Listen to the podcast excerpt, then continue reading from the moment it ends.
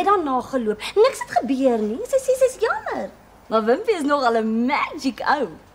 Ja, die klein pes moes die kinders oppas. Nie allerhande slim streekie hier in die sitkamer uithaal nie. Mamma, Lissy, niks is uitgehaal nie. Maar ek voel baie seer gemaak. Hoe kan hy so dislojaal wees? Mans dink nie soos ons met hulle breins nie. Die geheim van 'n suksesvolle verhouding is: jy moet hom dophou soos melk op die stoof. Draai jou rug vir 'n oomblik en alles is bemors. Lis het hom probeer verlei. Ek het baie respek vir haar. Sy ken mans. Sy werk elke dag saam met hulle in die grease en die olie. Maar as sy haar make-up aansit en 'n rok aantrek, dan draai sy hulle om haar pinkie. En hulle word patty in haar hande. Presies. Wimpie het vir haar geval, soos ek vir 'n closing down sale. Ja, toe. En hier sit sy, die nimmerlike Sally Kamfer. So lekker om jou hier in die Spitsit ateljee te hê. Ag baie dankie Willem, baie dankie dat jy my genooi het om hier te wees. Dis my groot voorreg, hoor. Daardie natuurlike uittreksel uit Orkney Snortney, 'n produksie waarby jy uh, vir jare lank betrokke was en ek wil eers by jou hoor, hoe moeg is jy al om te gesels oor Orkney Snortney? Ja, ag weet jy, dit was so wonderlike geleentheid. Ek dink nie mense raak ooit moeg om daaroor te gesels nie, want ek ek dink dit ons almal het dit ervaar as 'n ongelooflike geleentheid en um dit was goeie vermaak geweest vir mense en dis eintlik 'n ontsettende groot kompliment as mense mense erken of daaroor uitvra. Dit was massief op sy dag en Ja. nou nog word dit gereeld herhaal op uh, verskillende TV-kanale. Dit is aanlyn beskikbaar. Mense het dit of hulle nou mag of nie op YouTube gelaai. So mense kyk dit nog daar ook. Was dit enigstens vir julle moontlik om op straat te verskyn, om inkopies te gaan doen, 'n normale lewe te hê? Weet jy, ja, definitief. Jy het 'n normale lewe en wat ek net altyd sê, as jy jouself blootstel in die publiek, dan moet jy altyd beskaafd bly teenoor hulle. Hmm. Want hulle is die mense wat jou ondersteun en hulle is die mense wat daar is om vir jou te help om die volgende dag weer werk te hê. Ons het nog baie gesels oor uh, Orkney Snortney deur die loop van die middag, maar Sally Kamfer is baie meer as net daardie een produksie gewees. Waar het dinge vir jou begin sou jy sê? Was dit het van verlange kraal? Weet jy, kom ek wees eerlik met jou. Ek sal vir jou sê ook nie snork nie. Ehm um, O, dit was na het gewees. Ja, ek sal sê my heel eerste ding wat ek gedoen het was Roep van die Visarend wat Jan Engelin vir my die geleentheid gegee het wat ek 'n hoofrol ingespeel het. En ek dink dit was nogal 'n goeie platform vir my gewees dat mense in die bedryf my my werk gesien het en my leer ken het en toe het van Verlange Kraal definitief. Dit was definitief 'n groot hupstoot in die bedryf. Wat was jou ouderdom min of meer daai tyd? Ek was so 24. Ek was 24. Ek moes audisie doen teenoor ehm um, medeleerlinge mm. wat werklik op skool was. So dit was vir my baie uitdagend en dit het my nogal was nogal senuitergend want ek het gedink, jy weet, hulle het hierdie blosende wangetjies en hulle is kinders nie kom ek op die ouderdom van 24 en ek dink ek gaan nou hierdie rol voor hulle wegraap maar ek moet vir jou sê ek was baie geseënd om die rol te kry. Nou voor ons verder gesels, ons het 'n 'n boodskap ontvang wat ek graag met jou wil deel. Ja, sekerlik. Ek ken vir Sally Kamfer al vir jare vandat sy so pragtig daai rol van Jolly gespeel het in Oknie Snok nie. Nou buiten die feit dat sy 'n formidable aktrise is en regtig enige rol kan speel, nie net komedie nie. Is sy ook 'n uitmuntende grimeerkunstenaar en doen sy al vir jare al Westel, dis nou ons maatskappy se grimering op al ons movies en al ons reekse. En dan is sy toevallig ook my skoonsister want sy's getroud met Pieter my broer wat my partner is. En uh, ja, ons hou dit in die familie en sy is nou eintlik Sally Estreisen. En sy is deel van die Estreisen mafia en daar gaan sy bly. Sy's 'n live wire hoor en ek hoop sy verander nooit nie. Lekker gesels Sally, bye bye. Dit natuurlik die stem van Willie Esterhuizen. Willie Esther, ek is nou skoon emosioneel. Dit is ongelooflik Willie, ontsettend dankie vir jou mooi woorde. Ek regtig, ek voel nou skoon aangedaan.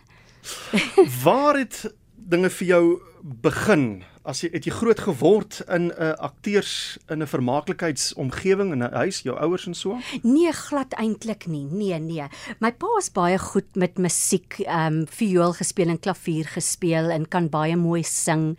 Ehm um, en my ma het 'n wonderlike stem gehad. Sy het net so pragtig gesing. Nee, eintlik glad nie. Ek het eintlik op 'n stadium gedink ek wou fisioterapie doen hmm. en allerlei ander dinge aangedink en my suster het vir my gesê sy dink ek moet drama gaan studeer en ek het dit eintlik negatief opgeneem want ek het gedink sy dink ek is 'n drama queen. Ehm um, maar ja, ek het bietjie gaan rondkyk. Ek was by ek het gaan kyk hoe dit werk met fisioterapie en dit was toe nie waarvoor ek ehm um, lus was om te doen nie en toe het ek na die drama departement gegaan by Tikkies om te gaan kyk hoe dit daar is en toe se ek nooit weer daar weg nie. So kom jy oorspronklik van Pretoria, se Pretoria. wêreld af. Ja, ek is gebore in Bloemfontein, Ja. maar ja, Pretoria gewoon en daar gestudeer. Skool gegaan ook. Skool gegaan, affies. Waar affies. Affies, Daar ja. Ooh, trots is al die uh, affies mense nou. En toe jy nou in die drama departement was, hoe kom jy te hore van audisies? Moet jy van die begin af 'n agent hê of hoe kom jy by hierdie goed uit? Weet jy, dit was ook eintlik ehm um, toevallig geweest want jy as jy in die departement is, ek het terwyl ek gestudeer het, het ehm um, ek en twee van my vriendinne vertrek vir 'n verhoogproduksie. Ehm um, het ons opgetree die drie van der Waltz was ons daarin gewees, maar andersins mag jy eintlik nie buitewerk doen terwyl jy studeer nie. Mm -hmm. Hulle verkies dat jy klaar studeer en dan het jy audisies wat hulle mense in die bedryf nooi um, om te kom kyk. Ek het oorweeg om onheers te studeer, toe mag ek nie audisies doen nie en toe is die kursus nie saamgestel soos ons oorspronklik bespreek het dit sou wees nie. En toe besluit ek ek gaan nie aangaan. Ek was so 'n paar weke daar gewees vir onheers. En toe het ek besluit ek gaan dit stop want die kursus het nie die samestelling soos wat ons gedink het nie. En toe se ek amper half het ek my amper half vind ek my op 'n plek ek het nie audisies gedoen nie en wat gaan ek nou doen? Mm. En toe kom ek te hore van Jan Engelin wat audisies doen vir Roep van die Visarend, maar jy moet 'n agent hê. Ja. En toe het ek hulle net gebel en gesê ek het nie 'n agent nie, ek het dis my paadjie wat ek geloop het, kan ek asseblief kom en ja, daar het my pad begin. So dit was regtig net geleenthede wat mens gesoek het en na jou kant toe gekom het en wat jy kon doen. Nou terugskouend. As jy nou kyk wat al die reëls en regulasies was, jy mag nie audisies doen of jy mag nie iets speel as jy nog studeer nie en so aan. Maak dit vir jou sin stem jy saam daarmee of het jy nie saamgestem met die stelsels nie? Weet jy, ek moet vir jou sê as ek terugkyk, kom ek sê vir jou, ek dink ons almal het 'n baie go- ons almal het 'n baie goeie dissipline en opvoeding gehad met ons studies. Mm. En ek dink as 'n jong akteur, as jy die geleentheid kry om te speel terwyl jy nog studeer, het jy nog nie daai dissipline nie. Mm -hmm. En dit is amper iets wat mens in vandag se tyd en ek bedoel dit nie negatief teenoor enige iemand nie, want jy kry logies gesproke jou uitsonderings. Maar ek dink daai dissipline wat amper in jou ingedwing is met jou studie het van die jong mense nie vandag nie. Want hulle sluit aan by 'n organisasie om te studeer en elke geleentheid wat hulle kry, werk hulle Om en dan geld te het jy- maak ook natuurlik. Ja. Ek dink om geld te maak en om blootstelling te mm. kry en baie keer maak hulle nie hulle kursusse klaar nie en ek sê glad nie jy moet studeer nie maar vir my persoonlik en as ek kyk na mense wat uit my geleedere kom wat my ouderdom is mm. sal ek sê ons het 'n dissipline wat 'n mens handhaaf wat nie noodwendig by jonger akteurs almal gevind word nie. Goed. Jy was so deur die loop van die jare in verskeie TV-produksies, veral veral TV-produksies. Ek dink aan iets soos uh, Sondaarspoort. Ek wonder of mense jou nog kan onthou in Sondaarspoort. Dis 100 jaar terug. Ek kan nie eens presies onthou nie. En daar was iets soos koöperasie stories. Koöperasie stories dingetjie, ja. Toe jy, o dingetjie, toe jy opstel was met die mense. Dit was absoluut legendes. Het jy geweet in daai stadium van jou lewe, ek is hier tussen die grootstes van die grootes in Suid-Afrikaanse vermaak. Het jy dit besef in daai stadium? Weet jy, ek dink nogal so. Ek dink nogal so want hulle hulle hulle name en en waarvoor hulle gestaan het, het hulle vooruit gegaan. So ek moet vir jou sê mens mense het amper nederig in hulle geselskap gevoel. Hmm. En daarom het jy ontsettend hard gewerk om nie dat hulle nie na jou moet kyk en dink hoor hierso wat maak jy hier nie. jy het so hard gewerk net dat jy op daai selfe vlak amper half kan presteer, sal ek sê.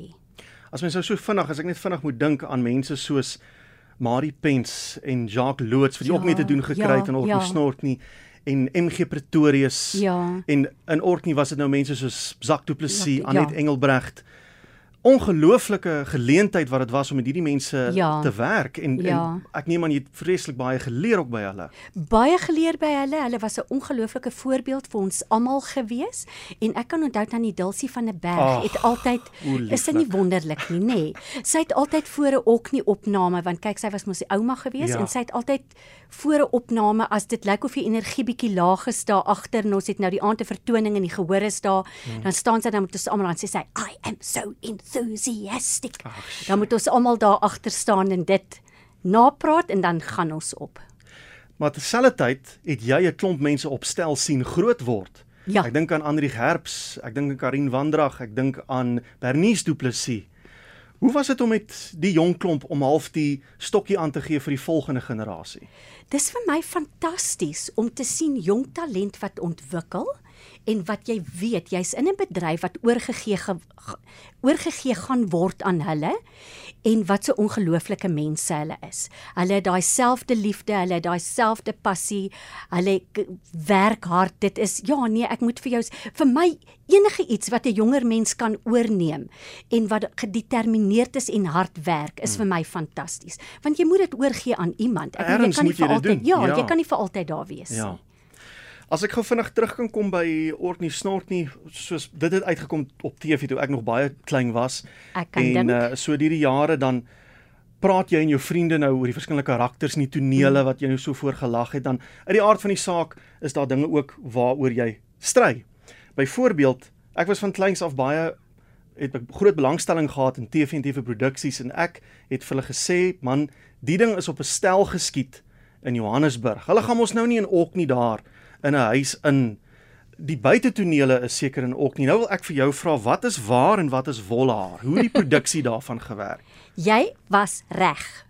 Die hele produksie is ja, die hele produksie is hier's ehm um, in um, ateljee 5 by SABC geskied. Nee, ja. net hier oor kan die pad. Ja, en dis in dit was stelle wat gebou is en wat die mense nie weet nie is ons het 'n Vrydag en 'n Saterdag het ons opgeneem. So die Vrydag het ons een episode, die Saterdag 'n tweede episode. Saterdag aand word daai hele stel afgebreek en gestoor want daar kom ander produksies in. jene. En dan daai volgende week Vrydag word daai stel weer opgebou en Vrydagmiddag etenstyd kom ons in en werk en die aand kom die gehoor in en ons neem op. Ehm um, so dit was op 'n stel en dan die buiteskote was in 'n huis in Orkney gewees mm -hmm. wat ehm um, afgeneem is en dit het later 'n toeriste aantreklikheid geword. Wie weet jy wie daar gebly? Het jy hulle ooit ontmoet Nee, of so ons het hulle nooit ontmoet. Logies gesproke het Pieter en Willie geweet want Ja. hulle het 'n ooreenkoms met hulle gehad, maar jy weet, ek dink nogal kan hulle privaatheid is redelik As die mense hulle voordeur oopmaak gaan staan dan mense het geparkeer op hulle sy neem Ja, foto's. hulle hulle wag vir die van tonners om uit te kom. Ja, ai tog. Die gehoor. 'n uh, lewende gehoor, 'n uh, laughing track soos wat hulle dit noem. Wat was dit? Glad nie laughing tracks nie, dit was 'n lewendige gehoor gewees. Ehm um, ek moet sê wat hulle aan die begin gedoen het is voor die gehoor ingegaan het voor ons opgeneem het, elkeen so knertsie gekry. Has hy? Was hy? om die lagspiere los te maak, ehm um, die wat wou. Maar ja, nee, dis 'n lewendige gehoor soos in 'n teater. Met ander ja. woorde, dit was amper basies 'n teaterproduksie wat met die kameras opgeneem is en dan uitgesaai is. En as ons 'n fout gemaak het wat nou vir nou ons vra daaroor. Ja, Ja. ja, as ons wat ten minste met 'n verhoogproduksie is daar nie ehm um, kans vir foute nie. Jy ja. moet 100% doen wat jy moet doen. Ehm um, as Willie gevoel het uh, ons het jy weet ons moet iets oordoen, dan het Zak altyd grappies gemaak met die gehoor en gesê ons nee. gaan dit aanhou oordoen totdat jy reg lag, maar dan sit omdat ons dalk 'n foutjie gemaak het uh. en so dit dit was die dit was die beste van albei wêrelde. Dit was 'n verhoogproduksie met 'n lewendige gehoor, maar dit is vir TV opgeneem. Ja, daar daar was ruimte vir Ja, foute, maar ja, absoluut. jy kon ook nou seker nou nie net foute die hele tyd maak nie. Daar's mense wat seker nou ongeduldig begin raak want tyd is geld en al die dinge. So jy moet jou woorde en jou goeders om seker redelik goed geken. Ja, ek moet vir jou sê almal met wie ons saamgewerk het, het dit baie ernstig opgeneem en almal was ontsettend goed voorberei geweest. Hmm. So dit het baie min gebeur. Ek kan regtig op een hand tel die kere wat dit gebeur het, want almal ja, dis vir ons almal is is dit 'n ernstige saak. Willie Esterhuizen sê altyd, as jy jou jouself snaaks vind, dan is dit nie snaaks nie. Ah. So met ander woorde komedie is eintlik ernstig mm. en ons almal het ons werk ernstig opgeneem en jy wil nie jouself met 'n plank slaan voor 'n gehoor nie. So jy gaan sorg dat jy jou woorde ken. Ja. En ja, so goed as moontlik jou werk doen. Ons het vroeër gepraat ook oor Sondagsport. Kom ons luister 'n bietjie hierna. Ons gaan vir my afskeid te die Hier, by oom Rudolf hulle. Tante Chris het gesê oom Rudolf en tante Hannes sal tog te bly wees. En oom is baie hartseer dat hy weggaan. Boetie, wil jy nie daar na die naaltjies bære nie? Ek het hulle nou net van die afskeidsonthaal vertel aan Chrissy. Hoe moet maar die soetkoekbakkers die naaltjies weg is? Ma maak die deeg aan vir mannetjies se afskeid. En maar kry die naaltjies nêrens. Wie jy nie waar die naaltjies gebêre word nie, suster getrei dat jy werskaf moes altyd daar na se kaste rond. As ma en Gurry vir Monica afskeid wil gee. Hoekom doen julle dit nie op 'n ander plek? 'n Sondagspoort dan nie meer ma se huis nie, boetie. Moet ma nou op die vlaktes uit as ma 'n koppietjie tee met ma se vriende wil drink. Dit moet hier wees oom Rudy. Daar's 'n baie besonderse rede daarvoor. 'n Baie besonderse rede. Ek kan dit net nie nou sê nie. Sally Kamfer in die rol van Girlie in die destydse Sondaarspoort. Sy kuier by ons by in die in die ateljee. Ek wil gou beweeg na agter die skerms. Jep. Na ook nie snort nie, het dit gelyk asof Sally Kamfer van die planeet af verdwyn het. Maar jy's 'n baie behendige grimeerkunstenaar, een van die land se bestes en jy het ook al intussen jou lyf vervaardiger gehou en dis hoekom ek vinnig wil praat oor Raaiselkind. Ja. Dit is seker as ek wil net ons luisteraars aanmoedig as jy dit nog nie gekyk het nie en jy kom daarop af op 'n stroomdiens of waar ook al kyk dit. Dit is seker in die top 5 indien nie top 3 Afrikaanse films wat al ooit vervaardig is nie en jy was 'n groot deel daarvan gewees. Ja, baie dankie. Ehm um, ek moet net ek, ek net vir die luisteraars sê, ehm um, Raaiselkind is op die oomblik op Netflix beskikbaar. Wonderlik. Ja, ek gaan dit so- vanaand kyk. Ook, Ja. wonderlik. ja, dit was vir my definitief ehm um, een van my moeilikste reise wat ek in my lewe gedoen het want ek het nie besef wat dit alles behels nie, maar ek was geïnspireer deur die storie en dit het amper vir my buitenlaat dit 'n passie was om mense te wil help, het dit amper vir my ek het amper ra- later obsessief begin raak. Omdat ek dit wou maak en dit het gelyk of ek dit nie gemaak gaan kan kry nie. Want dit is 'n boek. Ja, dit is 'n boek. Dit is Annelie Botha ehm um, se boek wat sy ehm um, ja, wat sy 'n prys mee gewen het en ek het eintlik 'n meisie ontmoet wat vir my gesê het uh, sy's 'n sielkundige en sy het 'n praktyk in Kanada en dan sy 'n praktyk in Suid-Afrika, Hanelie Spies. En toe het sy vir my gesê ons is in die bedryf wil ek nie net na die boek kyk nie want sy het te doen met ehm um, kinders wat op die spektrum is en laat mense film maak want daar's regtig mense weet niks daarvan hmm. daar buite nie. En ehm um, op die ou end toe mens nou die storie leer ken en alles het mens net besluit dit is 'n storie wat mens moet vertel.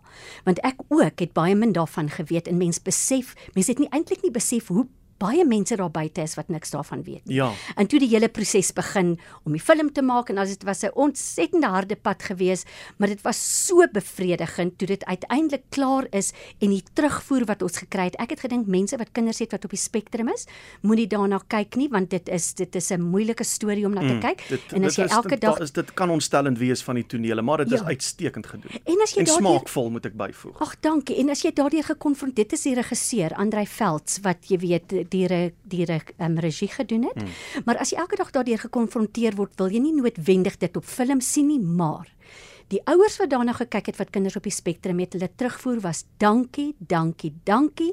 Uiteindelik kan ons vir mense verduidelik glad nie verbaas nie. Ja. hoe dit is. Ja. So dit ja, ek moet vir jou sê dit is vir my definitief een van my hoogtepunte in my lewe. Hm.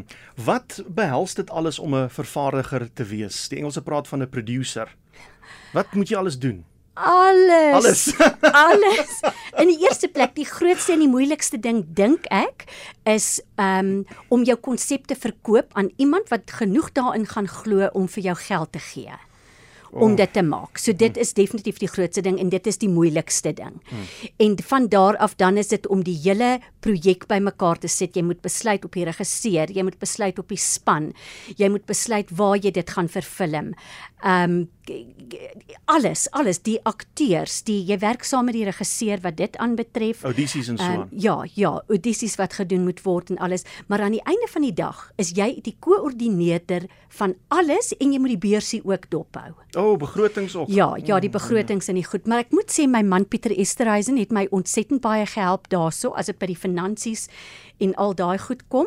Ons het nie altyd ehm um, eye to eye kan ek amper sê gesien met sekere van die besluite wat ek geneem het nie, Mhm. maar as ek nou vandag terugkyk, dan weet ek die, ons het die regte besluite geneem. Jy weet, mens mens moenie ehm um, probeer hoeke sny nie. Ja. Jy jy moet as jy so iets aanpak omdat dit so groot projek is en dit so bekende boek is, Mm. kon jy nie draaie vat. Jy moes jy moes dit voluit gaan en dit na die beste van jou vermoë doen. En hoekom ek dit ook so insiggewend gevind het is wanneer daar gepraat word oor outisme, Alzheimer, die tipe van ding, dan fokus mens op die persoon wat dit onderlede het en dan word baie min fokus geplaas op die mense wat om hierdie persoon moet leef en werk en vir hierdie persoon sorg. En ek dink dis wat die rolprent uitstekend reg gekry het om jou in die skoene te plaas van daai persoon se ouers en sy uh, uh huishulp en so aan wat dit baie baie goed reg gekry het. Dankie Willem. Weet jy, ek moet vir jou sê en dit is presies hoekom Hanelie Spies vir my gevra het om dit te doen want sy het gesê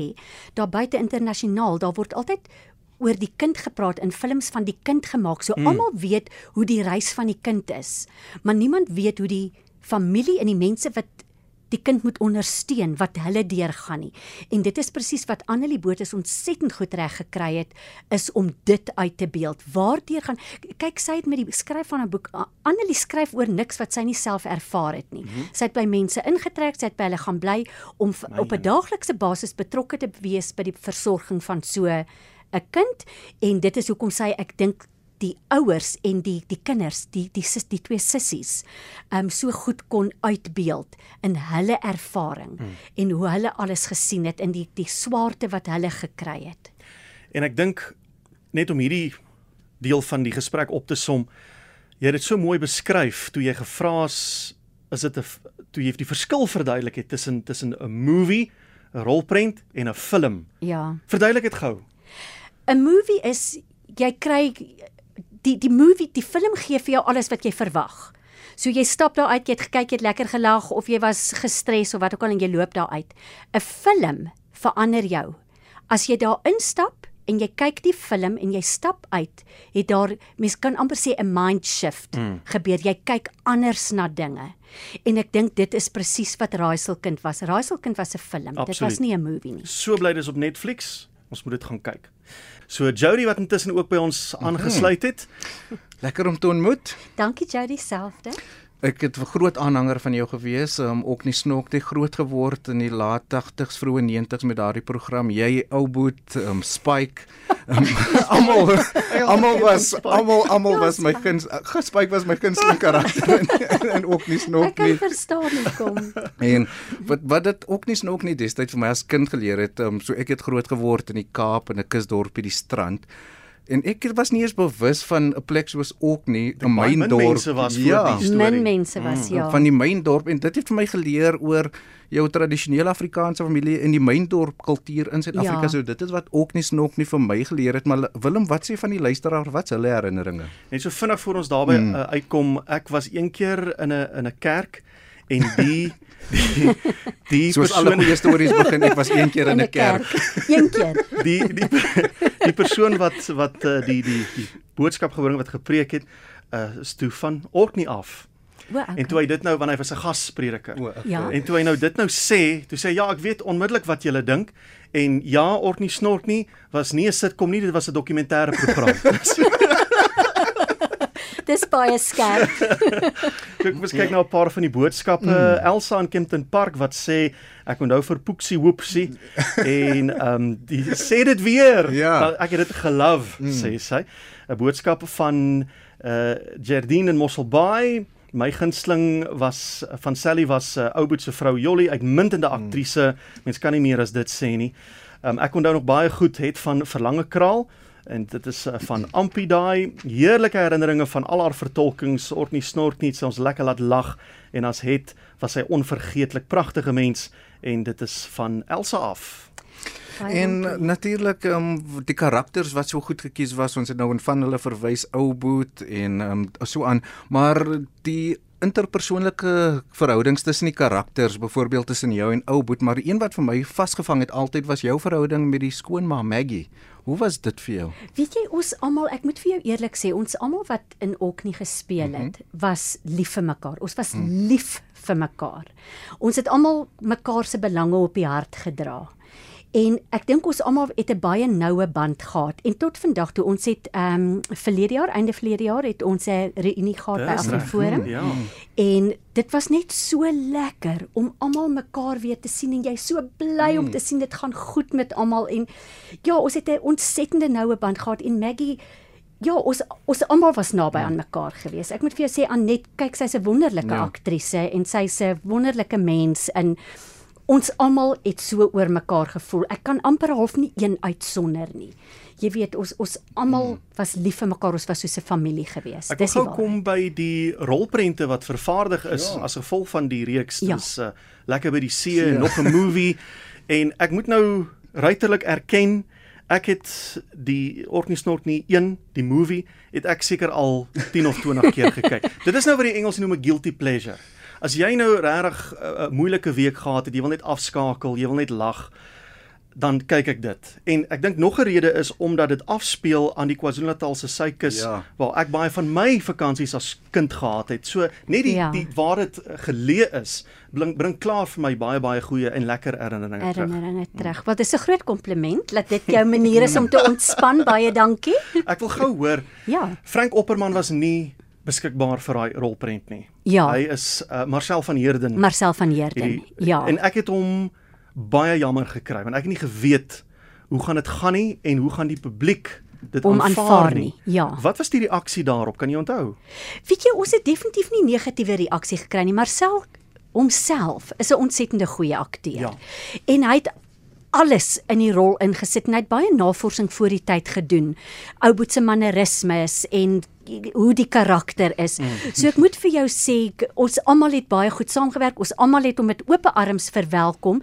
Dit was baie hartseer dat Frank dit nie kon doen nie, maar ons almal het vir Marcel met oop arms ehm um, ontvang en ek dink hy het hom wonderlik gekwyt hmm. van sy taak. Ja. Hoe het dit vir jou gevoel om al hierdie jare teenoor Frank te speel en nou het jy 'n nuwe man in aanhalingstekens?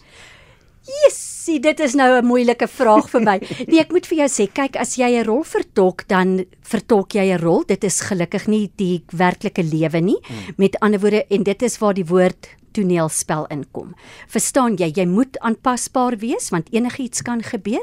Ek dink as ek nou aan die hartseer nuus onlangs dink met Erik Knobs wat ja. oorlede is, wat die akteur saam met hom gewerk het en wat hulle skielik aanpassings moet maak. Jy weet, so ek dink Ek dink in ons bedryf moet jy kan aanpassings maak en jy jy moet net jou beste nog steeds lewer en voortgaan met jou vertolking soos wat jou rol van jou verwag. Soveel kollegas wat nie meer met ons is nie. Jy het gepraat van Eric Knobs. Ja.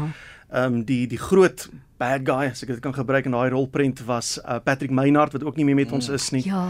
En uh Zak Du Plessis, Plessis. natuurlik 'n groot groot verlies Ja, vir ons die almal se bedryf. hart se punt, ja. Ja.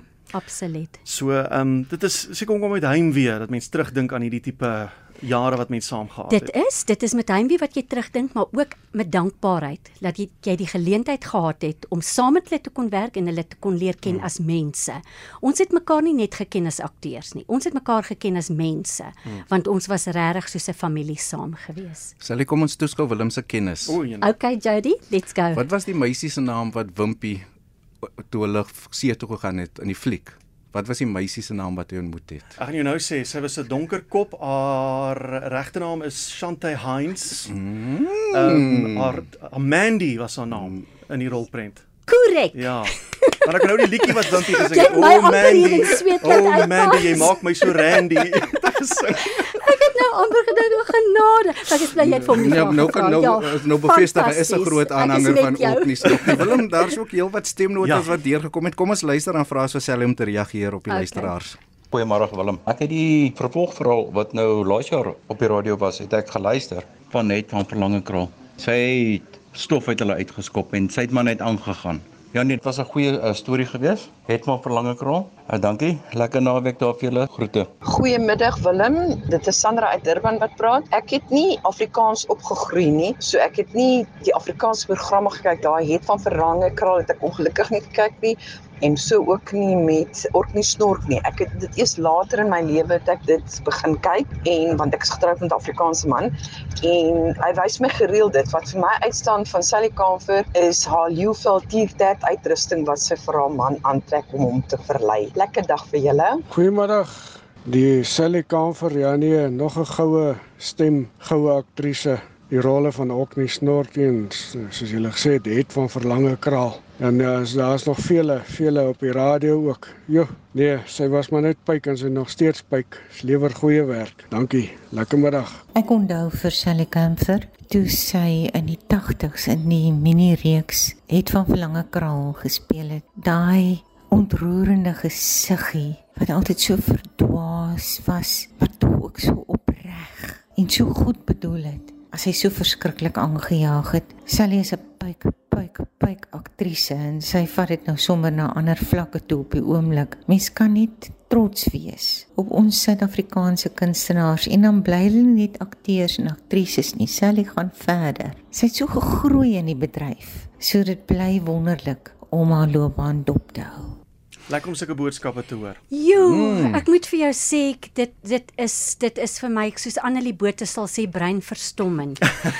Laat mense regtig sulke goeie goed van mense sê en en dit is ja, ek ek voel nederig en baie dankie aan almal wat wat my loopbaan volg en my ondersteun en en daar is vir 'n mens. Ons het hulle nodig. Mense het nou gepraat van uh, het van Verlange Kraal wat ook verwerk is vir uh, radio vervolgverhaal wat nie lank terug hier op RC Ja. uitgesaai is nie waar jy die geleentheid gehad het om die nuwe het se ma te speel. Wat 'n tipe ervaring was dit?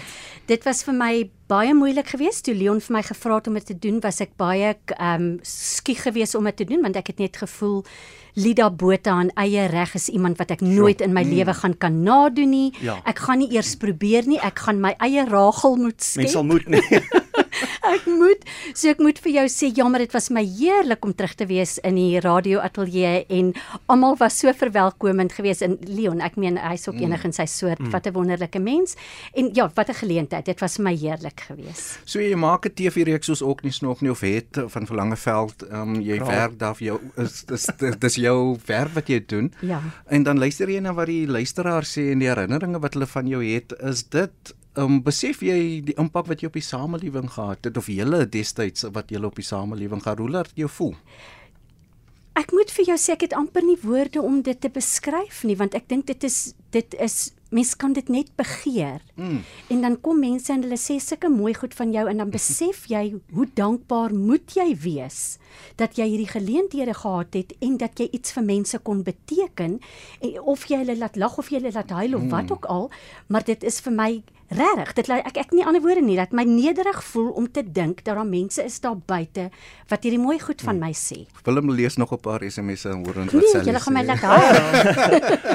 Ehm um, haar rol in koöperasie stories as die dogtertjie wat die bome kon hoor huil, ek het my oë uitgehuil, sê Jana aan Potch en uh, het van uh, verlange kraal dit het diep in my hart gekruip om uh, te sien hoe sy deur daardie gebeure gaan wat sy moes beleef die karakter en hoe sy aan die ander kant uitgekom het 100 goue medaljes vir Sally Kamfer sê Annetjie in Newcastle. Ek wil gou by jou hoor die die rol van van van Jolly. En mens besef dit nie as jy dit eerste keer sien nie, mens besef dit as jy latere jare na die 10de herhaling vir die soveelste keer kyk 10 jaar later, dan kom ek agter hoe goed jy eintlik is want om so 'n rol te vertolk sonder om irriterend oor te kom. Is dit iets wat jy doelbewus moes aan werk of het dit net van nature gekom om hierdie eh, tipe rol te speel en jy irriteer nie mense nie. Hoe het jy dit gedoen? Kyk, Jolie was 'n mens gewees van uiterstes. Sy's of verskriklik ontsteld of sy's verskriklik haar sy alles alles was in uiterstes gewees. So dit was vir my definitief rolvertolking.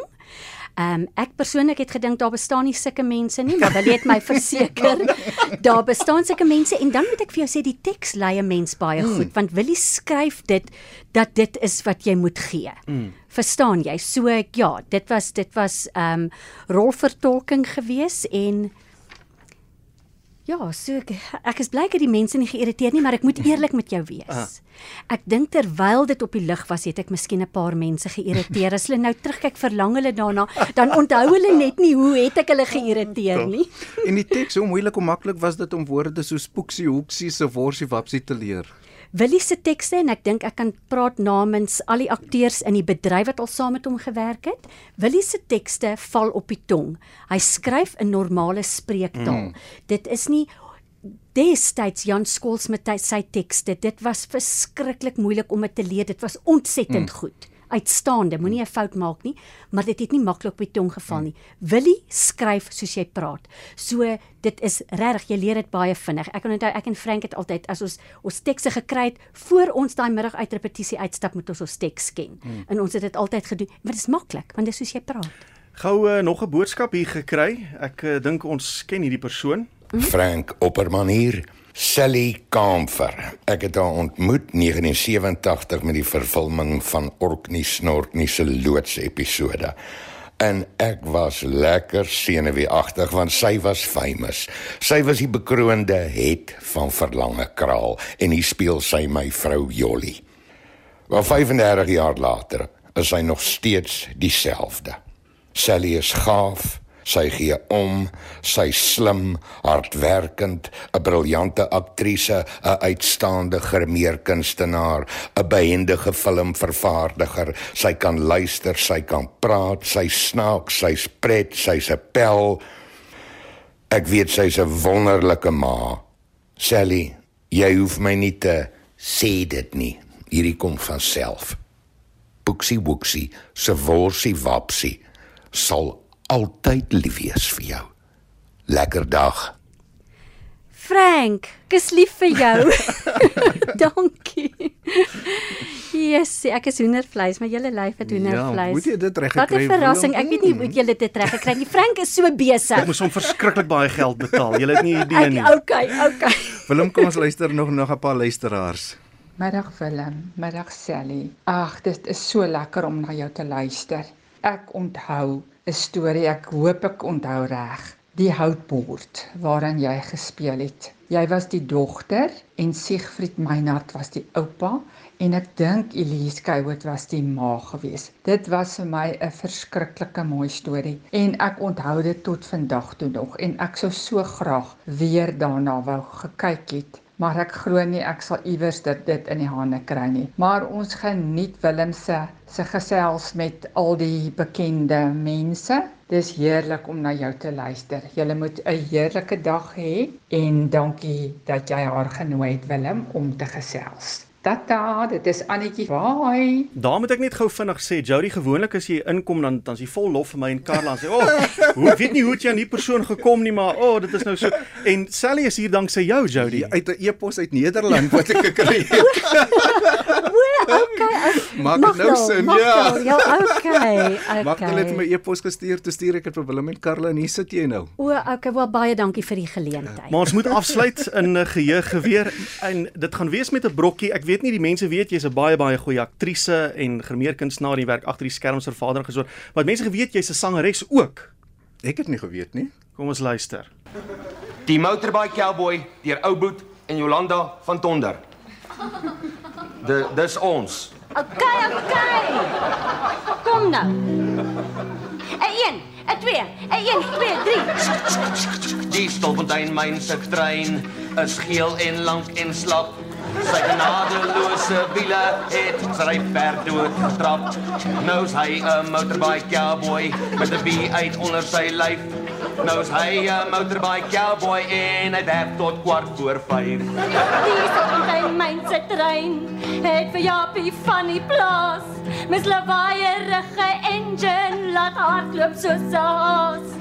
Nou sy 'n motorbike cowboy met 'n wie uit onder sy bas. Nou sy 'n motorbike cowboy wat werk met 'n baadjie en das. En toe een donker donker nag het hy op die kruising gestaan en wag. Nou loop die cowboy elke dag langs die spoor vir die trein en lag. Ha ha ha ha ha. Die stop in myn se trein. Het gesmokkel met sy brein. Die lig van die myn se trein het in sy oë geskyn. Die sonlyn myn se trein is geel en lank en slap. Sy geladelose wiele het ook sy motorbike pap gedra.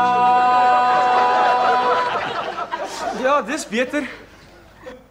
Wat bly eers beter? Ek wil hê die mense moet huil. Glo my. Ek dink baie van hulle sal. En ons spesiale ateljee gas Sally Kamfer wat nog rustig sit en wag om verder te gesels. Ons is weer eens baie bly en dankbaar dat jy hier is. Dankie. Baie dankie en dankie vir die geleentheid. Ek wil net eers vir almal sê ek is ontsettend jammer oor daai liedjie. Vergewe my. Die een wat ons geluister net voor die 5 uur nuus. Dit Ja. was pragtig geweest. Maar jy dra deesdae nog 'n hoed. Jy's ons ken jou as aktrise en grimeerkunstenaar en vervaardiger en 'n klomp ander dinge. Maar deesdae kan jy ook nou toepontwikkelaar op jou CV skryf. Ja, weet jy, dis 'n geleentheid wat ek en my dogter, ehm um, Sancha aangegryp het. Ehm um, vir die mense daar buite wat nie weet nie, want ek weet daar's baie wat my gesê "Toep, toep, wat is toep?" App. Dis mense wat nie RSG luister nie. Heel As jy moontlik. RSG luister sal jy weet wat se toep. Ons As jy sal dit suiwer hier hou. Ja, ons sal dit hier suiwer hou. ja, weet jy, ehm um, ek en sy werk al vir die afgelope 3 jaar aan die idee en ehm um, van verlede jaar af Junie maand het ons saam met 'n toepontwikkelaar uh, kragte saamgespan en 'n noodtoep ontwikkel vir die mense daar buite. Want ons het basies net gevoel daar is baie geleenthede daar buite en daar is baie as ek amper kan sê emergency apps wat mense kan aflaai Mhm. wat ook al maar dit is nie toeganklik vir almal nie. Jy moet of aan 'n organisasie behoort of jy moet ingeteken wees by by een of ander gemeenskap en eh, ons wou iets daar 'n stel. maandelikse onkoste. Ja, maandelikse onkoste. Ons wou iets skep wat toereikbaar is vir almal of jy in 'n informele nedersetting bly en of jy ergens in die stad bly dit moet so toeganklik wees soos wat WhatsApp vir mense is dis 'n Hmm. sosiale medium Almal weet wat's WhatsApp, ja. almal gebruik dit reg oor die wêreld almal weet wat dit is almal weet hoe dit werk almal is in kontak met mekaar maar mens met alles wat in die koerante aangaan en wat jy op die nuus hoor het jy daai net daai bietjie meer sekuriteit nodig. So dit is 'n toep vir die gemeenskap wat ondersteun word deur die gemeenskap. Mhm. Hierdie ontwikkeling van die toep het 'n het 'n hartseer agtergrond. Wil jy dit met ons deel? Hoe die idee begin het? Ja, ek kan ehm um, weet jy kom ek sê vir jou, die die die saadjie is 10 jaar gelede geplant ehm um, 2013 met Riva Steenkamp. Ah. En ek moet vir jou sê toe ek en my dogter, ek dink omdat ek 'n dogter het, het ons daaroor gepraat en alles en ek het vir gesê dit is my so hartseer en as sy net 'n manier gehad Ja. het om mense te laat weet sy's in die moeilikheid, want sy het haar foon by haar gehad. Mm. En daarna was daar baie insidente gewees, die van Berdamoorde. Ag baie insidente. Ek gaan nou nie almal opnoem nie, maar so mense het al daai goedjies begin nuusbrokkies begin bymekaar maak en in 2019 was ek en my dogter op 'n ma-dogter um, trippie gewees en Pieter was alleen by die huis gewees en ons het 'n huisinname gehad. Hulle het hom baie lelik aangerand en verniel en geslaan en geskop en gebyt en gealles en ons het baie groot finansiële skade gelei. En na daai insident het ek en sy gesê, weet jy, mense kyk altyd na hierdie goed en ons sê altyd ons moet, ons moet, ons moet, maar ons doen dit nie. Kom ons sit en begin daadwerklik werk aan iets wat jy daar buite vir mense kan stel wat vir almal die geleentheid gaan gee Hmm. om 'n noodknoppie te hê indien hulle dit sou nodig kry. So, wat is dit? Hoe werk dit? Die ehm um, toep se naam is We Help en mense kan na ehm um, wehelpyou.co.za gaan, dan sal hulle op ons webblad kom en alles word daar verduidelik. Dit is 'n toep wat ons ontwikkel het wat net 'n eenmalige fooi het. So jy betaal net as jy hom aflaai, jy het nie 'n maandelikse uitgawe nie Mhm. en dan stig jy jou eie groep want as jy nie moeilikheid as jy regtig daaraan dink. As jy in 'n noodsituasie is, jy wil hê jou familie moet weet, jou vriende moet weet en jou bure moet weet want Mm. hulle is die mense wat daadwerklik iets gaan doen Ja. om jou te help. En dit is hoe hierdie toep ontwikkel is. Dit is jy stig 'n groep. Jy kan soveel groepe stig as wat jy wil, maar mens sal aanhou om nie te veel te stig nie, maar jy stig met jou familie en vriende een en jy stig met jou bure een. Mhm. En as jy in 'n noodsituasie is, dan swipe jy, ons het dit 'n swipe aksie gemaak dat 'n kind nie per ongeluk dit kan druk nie, dan weet almal in jou groep. So jy hoef nou nie in jou foon in te gaan en die icon te gaan soek en dit is as hy sommer op die op jou foon Hy is se- op jou foon en dit is iets wonderliks wat ons ontwikkelaar gedoen Ja, het. Hulle noem slim. ja, hulle noem dit 'n lock screen widget. my maggies. En hy is dan op jou foon soos jou flitsliggie en jou Hmm. mm. kamera is die lock screen widget is op jou foon met ander woorde. As jy 'n student is en jy stap terug van die koshuis af en dis in die aand en jy dink jy word agtervolg en jy raak benoud en jy kom agter iemand is definitief besig om jou te agtervolg, as jy op daai knoppie druk, kom hy dadelik op jou noot wat vir jou sê dit is misdaad of dis medies van aard. Goed. En dan as jy misdaad swipe, gaan daar 'n alarm by die mense in jou groep af. Dis nie 'n kaching boodskapie wat deurkom nie, dis letterlik 'n noodalarm wat afgaan. So almal hoor die noodalarm en sien hoor hierso Willem stap daar, hy word hy, As jy tyd het, kan jy meer inligting gee, maar as jy nie tyd het nie, dan hoef jy nie want almal weet jy's in die moeilikheid. Oh. Hulle gaan op jou um location, jou jou wat wat is Ja, die korrekte Afrikaans? nou ja, jou jou kaart, hulle gaan op die kaart en hulle kan sien en dan kan jy druk go. Dan sê dit vir jou, stap soveel tree in daai rigting, draai links, so hulle kan jou onmiddellik kan hulle jou Hoe by groep kom. by jou uitbring. Goed, jenne, dis fantasties. So jy gaan maar net na die webwerf. Ja, die webwerf wehelpyou.co.za en dan kom jy by die webblad uit wat alles vir jou verduidelik hmm. en jy kan dit daar ook aflaai die toep. Ek dink in vandag se samelewing en waarin ons ons tans bevind, is dit uh, noodsaaklik om so iets te hê. En soos jy dit nou verduidelik het, so eenvoudig en maklik om te gebruik. Ja, absoluut. En ek en ek wil net gou-gou ietsie bysê. Mm. Ek is jammer, weet jy wat nê? Nee, wat ons graag wil doen, ons wil graag vir werkgewers aanmoedig om dit vir hulle werknemers ook aan te skaf. Want hulle is in omstandighede, hulle reis vroeg in die oggend, laat in die middag en hulle het dit ook nodig. Ons wil dit regtig 'n toep maak wat wat toeganklik is vir die gemeenskap vir dit dan sluit ons almal in. Ons wil niemand dit is nie eksklusief vir enige iemand nie. Ons wil almal insluit. Ons almal is in dieselfde land, selfde omstandigheid en dan wat ehm um, die ontwikkelaar nou gedoen het, is hy dit oopgemaak vir Nederland en Australië ook. Mm -hmm. Met ander woorde, as jy familie het in Australië, hulle kan dit onder mekaar ook doen, maar hulle kan op jou groep wees. So, as jy familie het jong familie wat in Australië is en hulle ouers is hierso. As hulle deel is van hulle ouers se groep en daar gebeur iets, hulle kan miskien nie daadwerklik iets doen nie, Goed. maar hulle is in die loop van Ja, ja, wat hier aangaan. hulle kan weet mense kontak Ja, en hulle kan mense kontak. Ja. Hulle hoor nie 'n week later dit het met ma en pa gebeur ja. nie. Wonderlik. Maar Sally, ons kuiertjie wat uh, nou so amper einde se kant toe staan. Ek wil gou vir jou vra die bedryf die die die vermaaklikheidsbedryf veral van die vervaardiging van televisieprogramme. Hoe het dit verander? En waar staan ons nou in vergelyking met waar dit was toe jy begin het in die bedryf? Ehm um, as dit nie as jy fokus net op televisieprogramme, ehm um, dink ek definitief logies gesproke daar's baie jonger mense inkom, maar ons was daai tyd daai jong mense. so daar's baie jonger mense wat inkom, maar ek dink wat die bedryf in sy geheel aanbetref het ons meer geleenthede gehad. Want ons het die streeksrade gehad, ons het televisie gehad en ons het film gehad. Die streeksrade wat weggeval het, maak definitief dat jy meer innoverend moet wees en jou eie produksie soos Frank so wonderlik doen, hmm. eie produksies saamstel en toer, so dit het dit amper vervang. Die TV-bedryf, moet ek vir jou sê, ek dink die TV-bedryf word nogal baie keer aan bande gelê.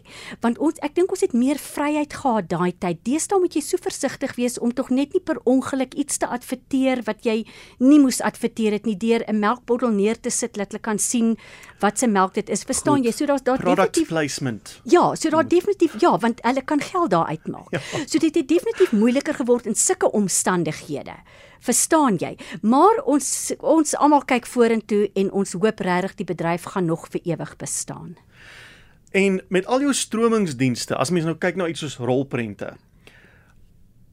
Julle het Raaiselkind, as ek dit as 'n voorbeeld kan gebruik, op 'n manier vervaardig en bemark. Nou het jy al hierdie stromingsdienste, van Netflix tot Showmax tot Disney Plus tot Amazon tot weet nie wat alles nie. Is daar iets wat jy vandag anderster sal doen om die rolprent na die publiek toe te kry met as jy kyk na alles wat tot mense se beskikking is, is dit makliker of moeiliker? Weet jy nee, ek dink nie dis moeiliker nie. Ek dink is definitief makliker want daar's baie meer platforms waarop jy films kan kyk. Ehm um, wat vir my hartseer is en dit het te doen met COVID. Ehm um, hmm wat wat die teaters het doodgeloop. En ek sê glad nie die teaters is dood nie, maar in ons land het ons nie meer die filmbedryf soos ons dit geken het nie. Met ander woorde, as jy deesdae 'n film wil maak, moet jy dit maak of vir ons ehm um, lokale stasies om uit te saai, maar nie noodwendig vir uh, vir groot skerm nie, want jy gaan nooit jou geld terugmaak nie. Die feit dat jy dit wel op Netflix kan sit, ehm um, Netflix vir die Suid-Afrikaanse bedryf, dis nog 'n jong bedryf, hmm. ehm um, vir die Suid-Afrikaanse film films, soos hulle vir my tereg gesê het. Daar's nie baie van die films wat op Netflix wys wat wêreldwyd wêreldwyd wys nie. Raaiselkind Dankie Vader is wêreldwyd word hy gewys, maar baie van die ander lokale films word net in Afrika hmm. en die eilande gewys, jy weet.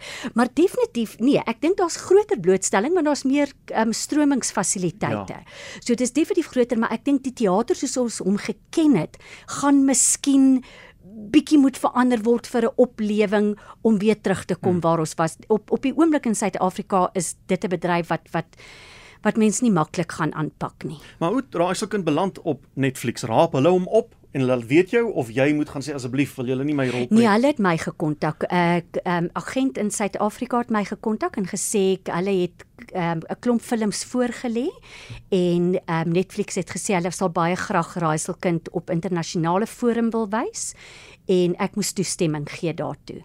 So dit was ehm um, ja, dit het dit het gekom van 'n Suid-Afrikaanse agent want wat hulle doen is al die Suid-Afrikaanse films sien die spesifieke agent mhm. indigenous, hmm. so hulle sien die film en dan lê hulle wat hulle dink die moeite werd is lê hulle voor en dan word daar films gekies. Daar's baie films op Netflix wat dan net Afrika is maar Raaiselkind is internasionaal wat ek baie dankbaar vir is. Hou dit enige onmiddellike finansiële voordele in of is dit iets wat later kan gebeur as gevolg van? Ehm um, op Netflix, ek definitief word ek fin finansiëel vergoed daarvoor, maar ek kon byvoorbeeld niks beding nie. Dit is 'n offer wat hulle gemaak het want hulle het gesê met sy hulle hulle band met Suid-Afrika is nog baie nuut. Ja. So ek kon nie 'n fooi beding nie. As as ek gesê het nee, hy kan nie internasionaal wys nie, hy kan net in Afrika wys, het ek 'n sekere fooi daarvoor gekry mm -hmm. en want hulle het klaar toestemming daarvoor gegee want hulle het die reg om dit te doen. En toe hulle vir my vra kan dit internasionaal gaan, ek sê ja. Toe sê hulle, toe wil ek weet gaan daar 'n beter vergoeding wees? Toe sê hulle nee. Dis 'n een eenmalige vergoeding en dit dit is 'n rand obviously die dollar want jy word in dollar betaal, so mm. dit hang af van die ehm um, van die ehm um, wisselkoers. Ja. En ja, so maar ek ek kon niks beding nie. Ek is ek moes vat wat ek geoffer is, maar ek sê weer, ek ek kyk niks. Ek ek gaan ek is dankbaar daarvoor want dit is my boodskap wat baie belangrik is om in die wêreld uitgedra te word en ek moet vir jou sê ek het so baie terugvoer gekry op die Raaiselkind Facebookblad wow. van mense reg oor die wêreld, Indonesië, Amerika, oral hmm. wat skryf en maar almal wil weet, het sy dit gedoen? Dis wat almal vra. As jy nie weet waarvan ons praat nie, dan moet jy vanaand daai fliek gaan kyk op Netflix Raaiselkind. Sally Kamfer vir die rol wat jy gespeel het en vir die skatkis wat jy vir ons agtergelaat het en soveel verskillende reekse en produksies wat ons kan geniet wat uh, vervaardig is as gevolg van jou in die bedryf en karakters wat jy vir ons geskep het, sê ons vir jou baie baie dankie. Dit is uh karakters wat ons vir altyd sal onthou. Dis Afrikana en jou naam sal opgeteken word as een van die heel grootstes. Ons waardeer jou teenwoordigheid hier vandag en goed gaan. Baie dankie en baie dankie vir die geleentheid. Ek waardeer dit ontsettend baie. Altyd lekker as ons 'n besoeker het, na een wat nog so gewild is en so lekker praat. Ek het hier 'n SMS gekry met iemand wat sê dis so lekker om iemand te hê wat so suiwer Afrikaans praat. Dis die waarheid. dis die waarheid. dankie.